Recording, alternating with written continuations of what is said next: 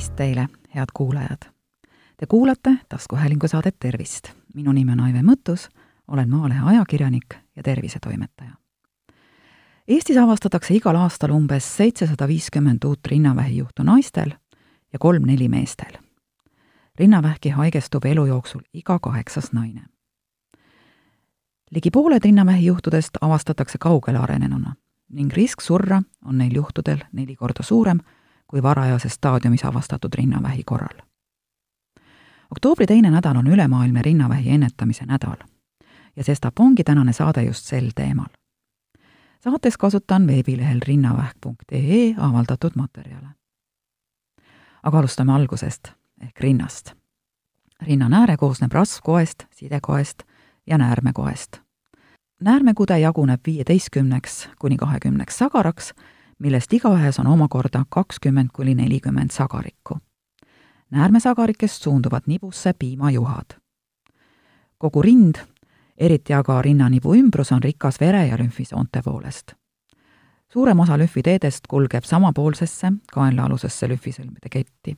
väiksem osa suubub rangluu ülemistesse ja alumistesse ning rinnaku kõrval asuvatesse ja rinnasisestesse lümfisõlmedesse rinnanäärmekoe, piimajohade ja sagarike kasv ning arenemine on mõjutatud naissugu hormoonide, östrogeeni ja progesterooni poolt. Nende hormoonide tootmine organismis allub hüpotaalamuse ja hüpofüüsi ehk ajuripatsi kontrollile. rinnakude sisaldab erilisi valke, hormoonretseptoreid, mis on tundlikud naissugu hormoonidele ja moodustavad neid sidudes retseptorhormoonkomplekse suuremal osal juhtudest ehk seitsmekümne viiel protsendil saab rinnavähk alguse piimajohade limaskestast. ja sel juhul nimetatakse vähki juhatekkeliseks rinnavähiks. väiksem osa, viis kuni kümme protsenti rinnavähi juhtudest lähtub näärmesagarikest ja sellist rinnavähki nimetatakse lobulaarseks rinnavähiks. rinna võib tinglikult jagada neljaks osaks. viiskümmend protsenti kõikidest rinnavähkidest leitakse ülemises välimises osas, kus asub kõige rohkem piimajuhasid alumises sisemises osas on neid seevastu aga kõige vähem ning ka rinnavähki leidub seal tunduvalt harvemini. mõningatel juhtudel ei tungi rinnavähi rakud tekkekohast väljapoole ümbritsevatesse kudedesse. selliseid vähke nimetatakse tekkepiirkonnaga piirdunud ehk mitteinvasiivseteks rinnavähkideks. kui vähirakud tungivad ümbritsevasse rinnakoesse, samuti vere- ja lümfisootesse, nimetatakse seda infiltreeruvaks ehk invasiivseks rinnavähiks. vähirakud võivad vereringe või lümfisüsteemi kaudu levida ka keha kaugematesse piirkondadesse ning sel juhul on tegemist siirete ehk metastaseerumisega. rinnavähk võib äh, sarnaselt normaalsele rinnakoele sisaldada erilisi valke, hormoonretseptoreid, mis seovad naissugu hormoone. selle tulemusena tekib retseptorhormoonkompleks, mis vallandab vähiraku kasvamise kasvajat, mis sisaldab selliseid retseptoreid, nimetatakse hormoontundlikuks kasvajaks ning äh, need moodustavad umbes seitsekümmend protsenti kõikidest rinnavähkidest.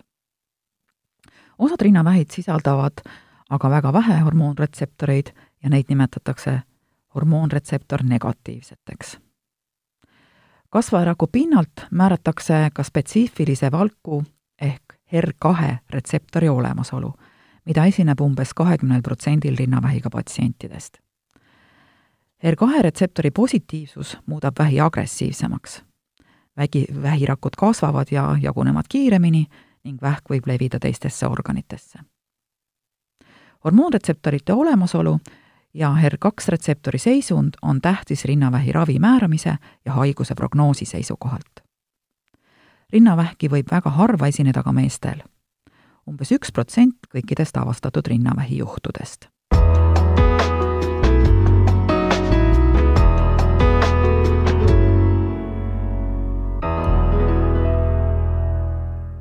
mida inimene, keda on tabanud rinnavähk, tunneb? varajases arenguetapis ei põhjusta rinnavähk üldjuhul mingeid vaevusi. peamiseks leiuks on tihenemine või tükk rinnas, kuid see ei pruugi alati olla pahaloomuline kasvaja avastades rinnas sõlmekesi või tihendeid, tuleb end siiski kontrollida lasta. võimalikeks rinnavähi ohumärkideks on sõlmed või tihendid rinnas, muutused rinna kujus, suuruses või naha värvis, rinnanibu või naha sissetõmme, eritis rinnanibust, valu või ebamugavustunne rinnas, rinnapunetus, apelsinikoore taoline nahk, haavandumine ning suurenenud kaenlaalused lümfisõlmed. Kaebused võivad olla tingitud ka haiguse siiretest teistesse kehaosadesse, näiteks seljavalu, peavalu või üldised vaevused nagu väsimus, nõrkus, iiveldus, isutus. rinnavähi otsene tekkepõhjus ei ole seni kindlalt teada. haigestumise riski võivad aga suurendada mitmed tegurid. vanus on oluline riskitegur, sest haigestumise tõenäosus kasvab vanuse kasvades peaaegu kaheksakümmend protsenti rinnavähkidest leitakse naistel, kes on üle viiekümne aastased. Noorte naiste seas diagnoositakse rinnavähki tunduvalt harvem. tegemist võib olla ka perekondlikult päriliku vähiga. kui ema või isapoolses suguvõsas on esinenud rinna- või munasarja vähki kolmel või enamal inimesel. samuti on risk suurem, kui rinnavähk on vähemalt ühel lägi, lähisugulasel leitud noores eas ehk enne viiekümnendat eluaastat rinnavähki haigestumise risk on tihedalt seotud naissuguhormoonide toimega. Need võivad soodustada ja kiirendada vähirakkude kasvu. naissuguhormoonide tase ei ole organismis püsiv. kõrge östrogeenide tase postmenopausis naistel on seotud rinnavähi tekkeriski suurenemisega. üle viie aasta kasutatud hormoonasendusravi menopausis naistel võib suurendada rinnavähki haigestumise riski samuti esineb vähene riski suurenemine suukaudsete rasestumisvastaste ravimite pikaajalisel kasutamisel enne esmast sünnitust. Umbes viis kuni kümme protsenti rinnavähkidest arvatakse tekkivat pärilikult edasikanduvate mutatsioonide tõttu vastavates geenides. pärilikku rinnavähki, mille puhul inimene juba sünnib kahjustatud geeniga, iseloomustab avaldumine noores eas nii nais- kui meesliinis ja perekondlik seos ka teistes paikmetes asuvate kasvajatega sagedamini munasarja ja eesnäärmekasvajaga. varasemalt diagnoositud rinnavähk suurendab oluliselt ohtu rinnavähi tekkeks ka teises rinnas. Kuigi haiguse tekkeriski võivad mõjutada mitmed tegurid, puuduvad neljal viiest rinnavähki haigestunud naisest teadaolevalt üldlevinud riskifaktorid. Neid riskifaktoreid ei saa me alati ise mõjutada küll aga saab neid arvestades pöörata suuremat tähelepanu võimalikele haigusele viitavatele ohuteguritele ja rindade kontrollile.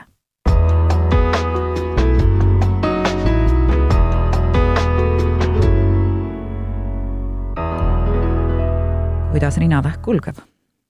haiguse kulus eristatakse nelja staadiumit ehk raskusastet. väikesest ja piirdunud kasvajast kuni teistesse kehaosadesse levinud ehk metastaseerunud kasvajani rinnavähi jaotamisel erinevatesse raskusastmetesse kasutatakse niinimetatud DNM klassifikatsiooni. ja erinevad tähed siis tähistavad erinevaid asju. D märgib vähikolde suurust, N lümfi, lümfisõlmede haaratust, M siirete ehk metastaaside olemasolu.